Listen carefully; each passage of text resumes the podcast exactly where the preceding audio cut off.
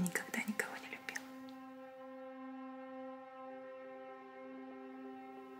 Только маму, когда маленькая была. Она себя со мной так тупо вела. Злая, одинокая стерва. Родила на свою голову.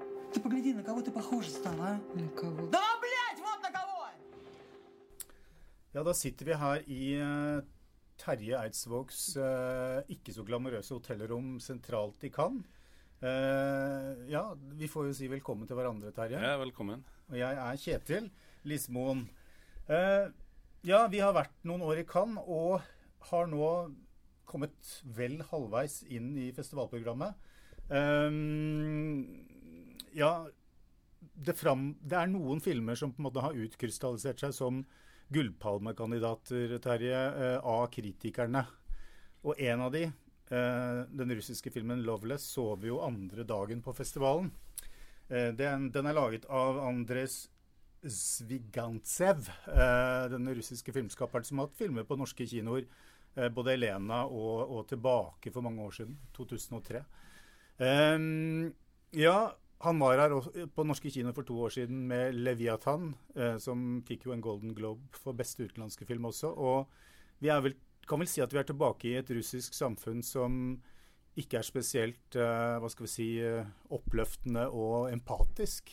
Det er jo det skildrer jo eh, Russland i dag. Eh, Filmen er jo litt sånn som Elena, for så vidt litt samme miljø. eh, Selv om det her er kanskje en øvre middelklasse.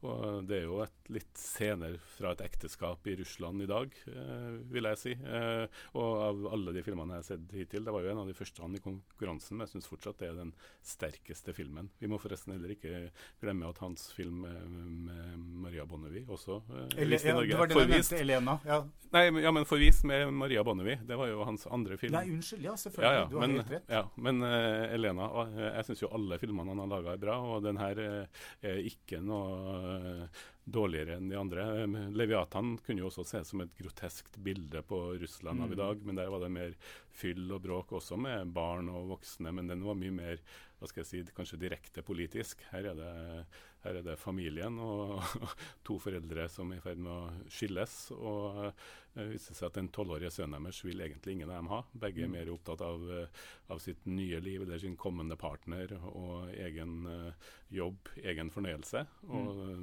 det her neglisjerte barnet fra øvre middelklasse, eller kanskje overklassen i, i Russland, han eh, har det relativt grimt.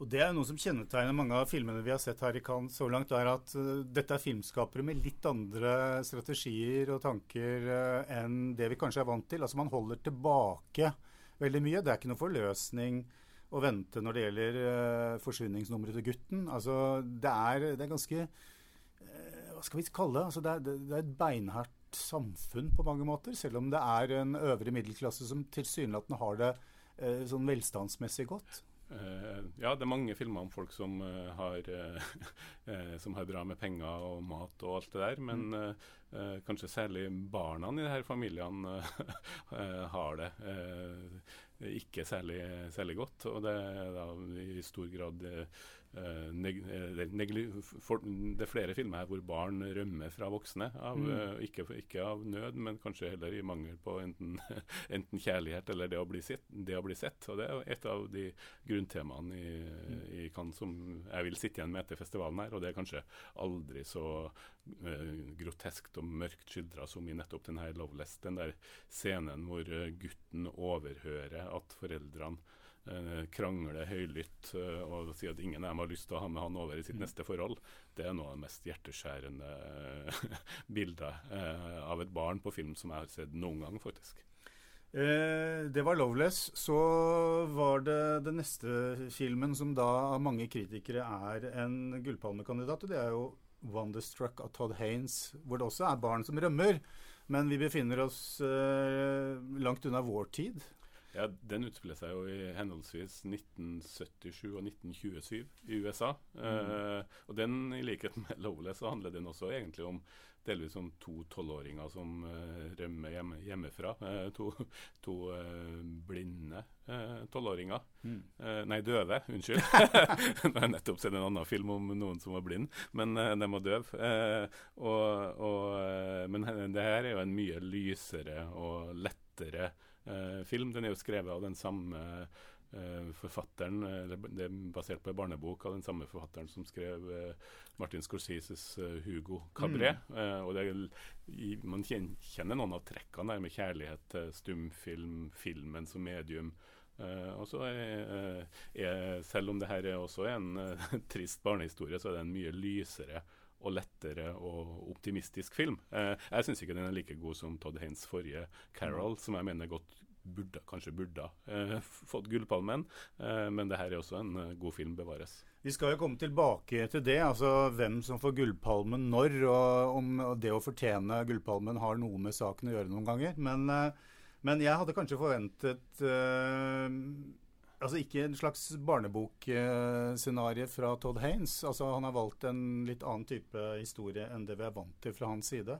Eh, hvordan syns du han orkestrerer det? Altså det, det, er en, eh, det, er jo en, fantastisk lekker film å se på, som alle mm. filmene til Todd Haines. Det er vel Ed Lachman som har, Lachman som har, som har uh, fotografert den her også. Og filmmusikken til Carter Burwell tror jeg kanskje vil dele folk. Jeg syns den er uh, utrolig stilig og passende. Hvordan han mm. elegant veksler mellom litt sånn sleazy 70-talls funk-disko, skitten New York-stemning, og 1927 med en mer sånn stumfilmprega lydlegging. men jeg syns jeg merker også at det ser ut som om amerikanske kritikere liker den filmen vesentlig bedre enn europeiske kritikere. Uh, og jeg tror kanskje at det er litt større toleranse for den der sentimentaliteten som, som filmen også har, og uventa mye av til å være Todd Haynes, som jeg tror kanskje er mer en, en uh, acquired taste blant europeiske filmanmeldere, ja, ja. som kanskje ser litt mer kjøligere på den slags. Ja, du er inne på noe interessant der, fordi en, en, annen oppløftende film, kan vi kalle det, har jo vært uh, Okia Bong Joon-hos film, eh, eventyrlige film eh, om denne merkelige skapningen som, som, eh, man aler opp for å redde matsituasjonen i verden. Og, og den framkalte jo veldig mye bråk innledningsvis pga. mer teknikaliteter. Det at man Uh, den er laget av strømtjenesten Netflix osv. Og, så videre, og kinobransjen og en del uh, skal, kritikere her i Cannes uh, er ikke så glad i Netflix. Uten at vi skal gå inn på den problematikken, så, så, så hva, hva, hva syns du om, om, den filmen? Den fikk gjennomgående god mottagelse, selv om den kanskje kanskje er litt på siden av hva vi opplever som en typisk Cannes-film. Ja, Det er vel nok den mest underholdende filmen jeg har sett i ja. hovedkonkurransen i år. Jeg syns også den er ganske bra. Eh, mm. Eh, om en genmodifisert kjempegris. Eh, uh, og så hadde jeg kanskje forventa en litt mer sånn glatt, motstandsløs underholdning, men det her er jo en nærmest rå, rått angrep på matindustrien i, mm. i USA.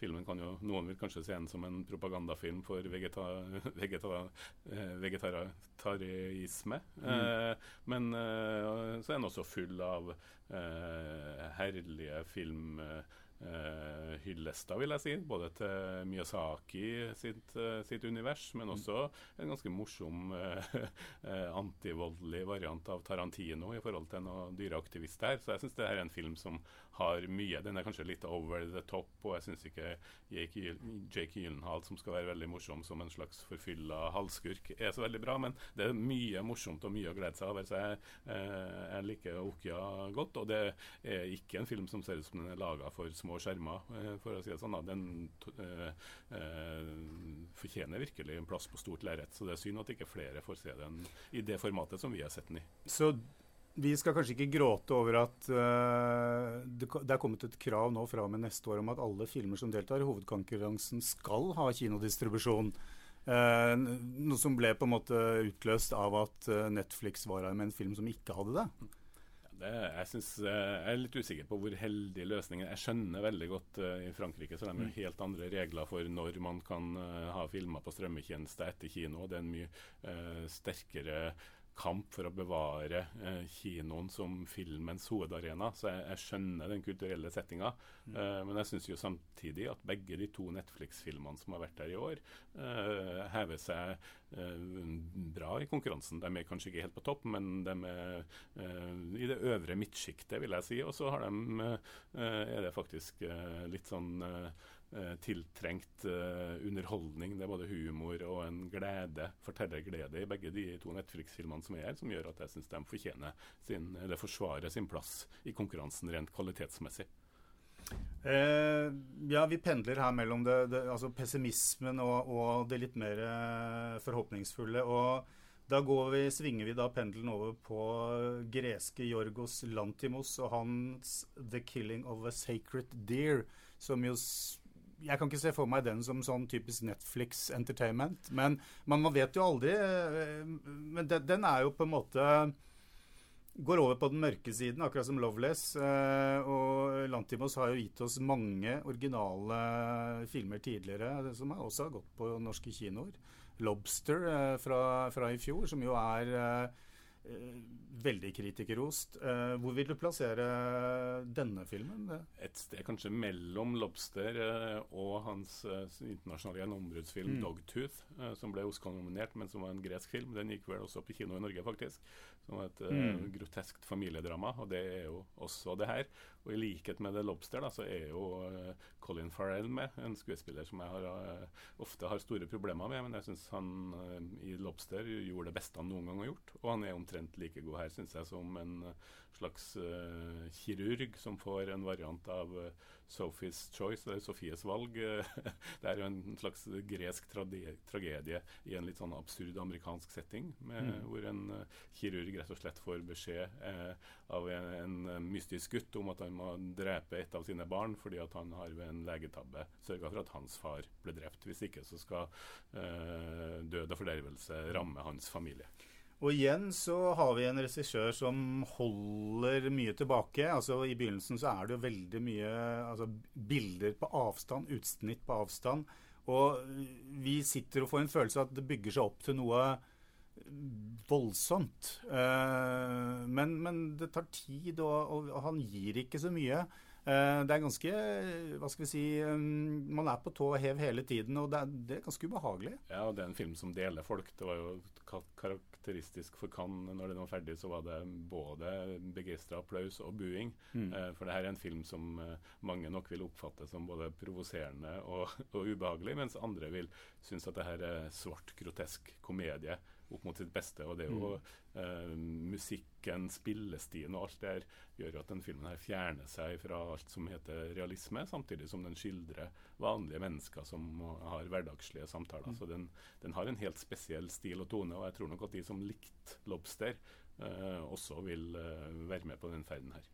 Jeg må jo si når jeg ser den at jeg, jeg, blir jo imponert over den kontrollen han har over virkemidlene. Det er nesten litt sånn uh, holdt på å si fascistisk. Altså han har han har total kontroll. Eh, men samtidig så, så, greier jeg ikke helt å elske denne filmen. Eh, for min del, jeg, den, er, den, er, den, er, veldig kald, og det er den ment å være. Ja, den er jo veldig kjølig. Det er, ja, en, ja. Eh, det er jo flere av både, Du kan jo si både Ruben eh, Østlund og du kan også si Michael Haneke. Mm.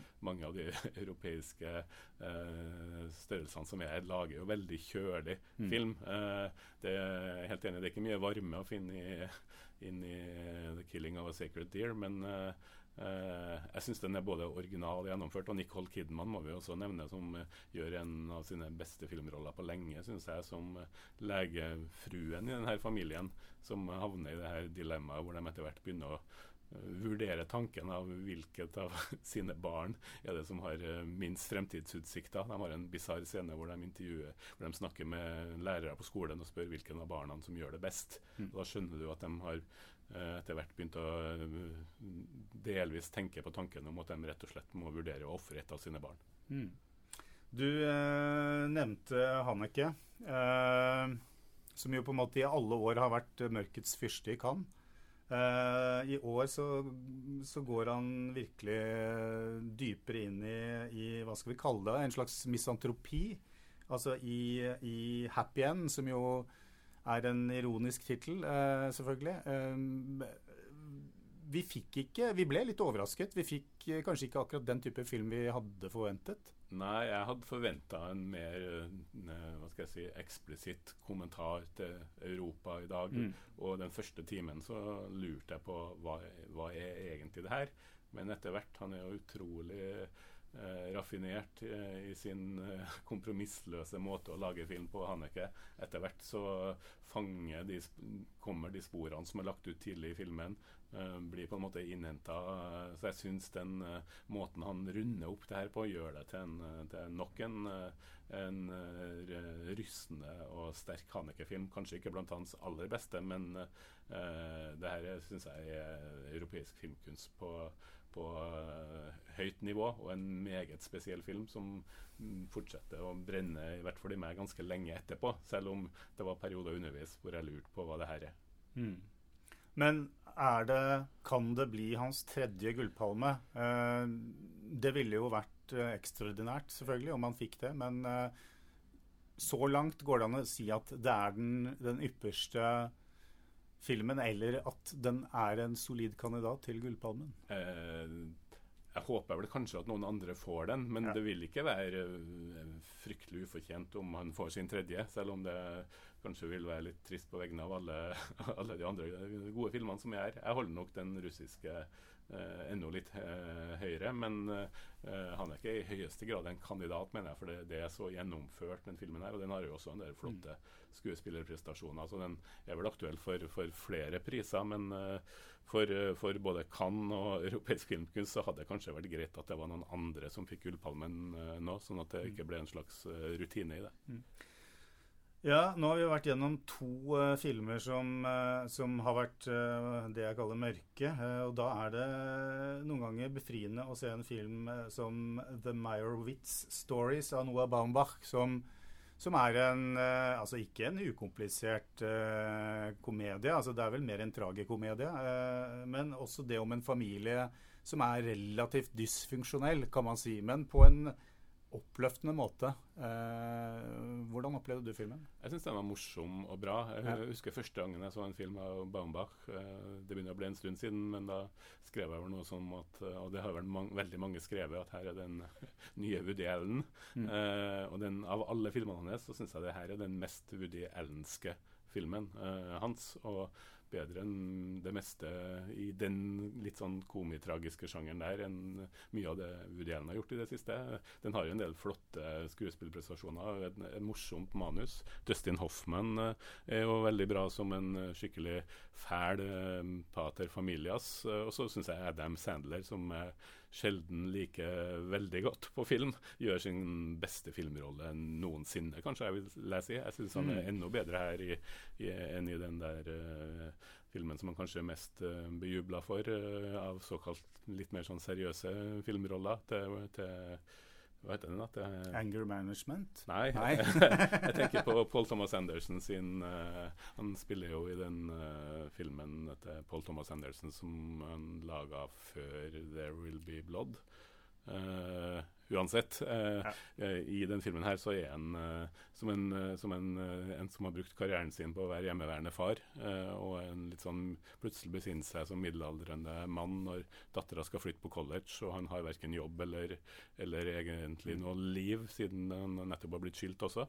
Men eh, det her er en sånn New York-tragikomedie i litt sånn ellensk stil uh, av uh, veldig solid format. Og så er det jo godt å se Dustin Hoffman uh, i en rolle hvor han er bunnsolid. Altså, han, de siste 10-15 årene det har vært, Han har jo på en måte eh, ja, hvilt litt på laurbærene og, og hatt en tendens til å overspille. Her, her er han veldig tilbakeholden, uh, syns jeg. Og, og liksom veldig sånn presis, sånn nesten minutiøst, eh, sånn komisk spillestil. Ja, Han tar ofte veldig mye plass i filmene han er med i, ja. men ikke, her syns jeg han balanserer det fint. og eh, det her er, Han spiller jo en ifølge seg selv underkjent skulptør, eh, som med litt forbitrelse ser på at hans jevnaldrende kollegaer blir feira med store utstillinger, mens han er i ferd med å bli en glemt kunstner. Mm. Eh, så jeg syns jo også det her er en av, de, en av flere interessante, morsomme og litt sånn bitende filmer fra kunstlivet på, på festivalen. Så eh, jeg tror både Hoffman og, og, Sandler faktisk kan være i hvert fall i, blant kandidatene til en, til en skuespillerpris. Og så er jo manuset til Bambach er jo vittig og velskrevet. Men jeg tenker som så at det er nok ikke en gullpalmevinner. Eh, også fordi den er, i motsetning til mange av disse andre filmene, så er den eh, på en måte Det man kan kalle undertekst, kommer veldig fort til overflaten her. Altså Etter hvert så, så, så, så, plasserer man alle tanker og følelser på bordet i den familien. Uh, alt kommer frem. Uh, og det blir en slags uh, ja, happy ending, uh, i motsetning til mange av disse andre filmene. Um, så nei, kanskje ikke gullpalme. Nei. Og, og, jeg skulle til å si det samme om Ruben Østlund også. Som, men, men, han har jo også laget en på mange måter, eller på noen måter, en fabelaktig film eh, hvor han briljerer med det han kan best. Altså ty en type satire som, som, du ikke finner maken til egentlig noen steder i, i internasjonal film i dag. Ja, jeg syns eh, de beste scenene i, i The Square er, er, kanskje noe av det beste Ruben Østlund har gjort. Og en film som har mye å tygge på, mye å tenke på. Han er jo også en kjølig, eh, litt sånn eh, middelklasse selvpisker i europeisk film. Ja. kanskje med litt mer humor i snerten enn Michael Haneke. men likevel så er det en, en utrolig gjennomførthet. både en strenghet og en skarphet og humor som gjør at For det første så fungerer jo filmen som et, en herlig satire over Eh, samtidskunstmiljøet i mm. Europa. Men så har den også noen sånn klasseforskjell mellom folk. Du, ser, du har et blikk der på tiggere, du har et blikk på ulike bydeler. Du har en museumsdirektøren som er redd for å, opp, oppføre, for, for, å oppholde seg i et blokkområde med Teslaen sin. Så den, den, setter en del ting på, mye på agendaen. Kanskje litt for mye, uh, for det er en film som er mye mer utflytende enn f.eks. 'Turist'. Men samtidig så gir det noen av de kvalitetene. Og det, det, en, det her er en film som det vil bli snakka om ganske lenge, tror jeg. Du var inne på det. altså uh, 'Turist', som gikk på norske kinoer, som ganske mange så i Norge, uh, den var ganske komprimert. altså Den var uh, mer som en tradisjonell spillefilm. Her er det, som du sier, løsrevet, og enkelte scener er jo nærmest som altså, konseptkunstverker i seg selv. Altså, Særlig én scene er jo helt spektakulær, og er vel sannsynligvis den, den mest den beste, eller den mest minneverdige scenen under festivalen så langt. Ja, det er en helt utrolig scene med en mann som nærmest illuderer ape. Eh, og Den er vel tatt opp i, på Grand Hotel i Stockholm i et, eh, når kunsteliten er ute for å spise fine dining med, med, på, i virkelig ærverdige omgivelser. Og det er, en, det er, en, scene i noen tagninger som eh, som eh, virkelig eh, vil eh, røske både i folk. Eh, og så er det en, den der dobbeltheten i Østlund som jeg syns er litt fascinerende. Da, for at han, han, kritiserer jo samtidskunst i måten man snakker om samtidskunst.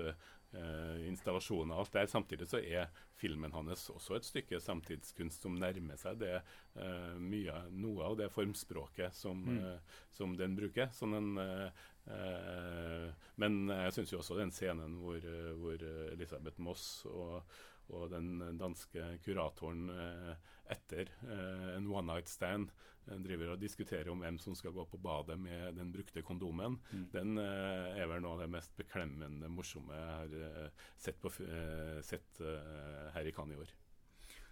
Men hva kan vi si om eh, Ruben Østlund som filmskaper, som vi da har fulgt i noen år, uh, med spesiell interesse fra Norge, selvfølgelig. Altså, er han på vei i riktig retning? Er han For nå, man merker jo det her i Cannes, at han, han, nå tilhører han på en måte eliten av, av filmskapere som man internasjonalt forventer seg mye av.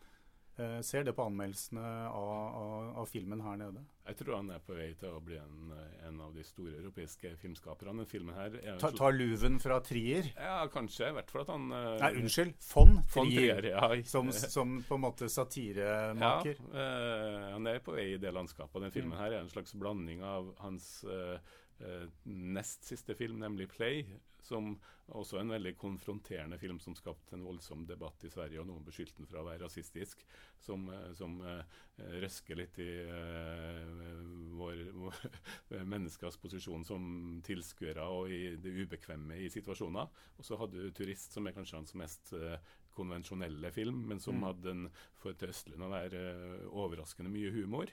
Uh, og så oppfatter jeg kanskje den, at den filmen her gjør litt av begge de tingene som de filmene gjør, nemlig både å, å uh, gå rett for mellomgulvet med noen utfordrende spørsmål, og samtidig ha et humoristisk uh, blikk. Og så har han et formspråk som jo er utrolig stringent. sånn at jeg tror han Østlund er på, på vil vokse i status som filmskaper og, enda et par hakk etter den festivalen her.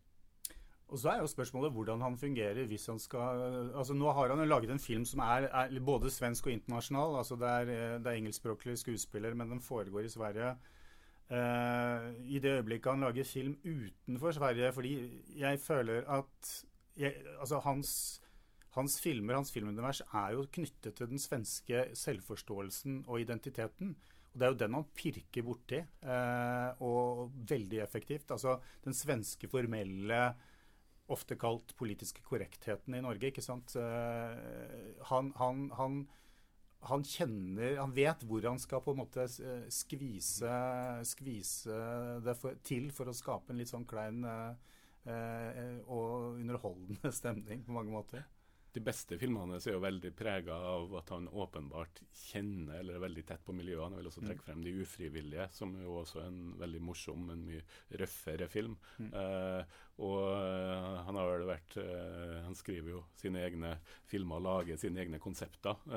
så er nok Det virker jo som at hans blikk på Sverige er eller Skandinavia kan han gjerne utvide til, er noe av det som han noe av hans eh, sterkeste kort. Mm. så om, om, veien videre er til en sånn som greske Latimos til en, til en helinternasjonal film, det vet jeg ikke. Jeg er ikke sikkert det er så lurt heller. Men den filmen her er jo en, en raffinert blanding med både med, med, med et par En engelsk og en amerikansk stjerne, eller halvstjerne. Og, og, mye foregår på svensk og litt på engelsk. Mm. Jeg tror kanskje det er et smart mellomsteg, i alle fall. Så får vi se hvor han går videre. Ja, vi får se. Det gjenstår en god del uh, av festivalen. Uh, vi tenker å komme tilbake med en, en ny podkast i slutten av uka. Uh, men det er film, spennende filmskapere som gjenstår. Det er Sofia Coppola, det er Fatih Akin, Francois Ozon og Lynn Ramsey helt til slutt. Så Uh, og ikke glem, må ikke glemme brødrene Sadie. Eh, de amerika okay, ja. amerikanske uh, brødreparet som det har vært veldig mye buzz om i, i USA, som mm. kommer hit med en ransfilm. Uh, jeg må si at jeg har store forventninger til den. Så får vi se om det slår til eller ikke. Ja. Ok, da sier vi takk for oss i denne omgang.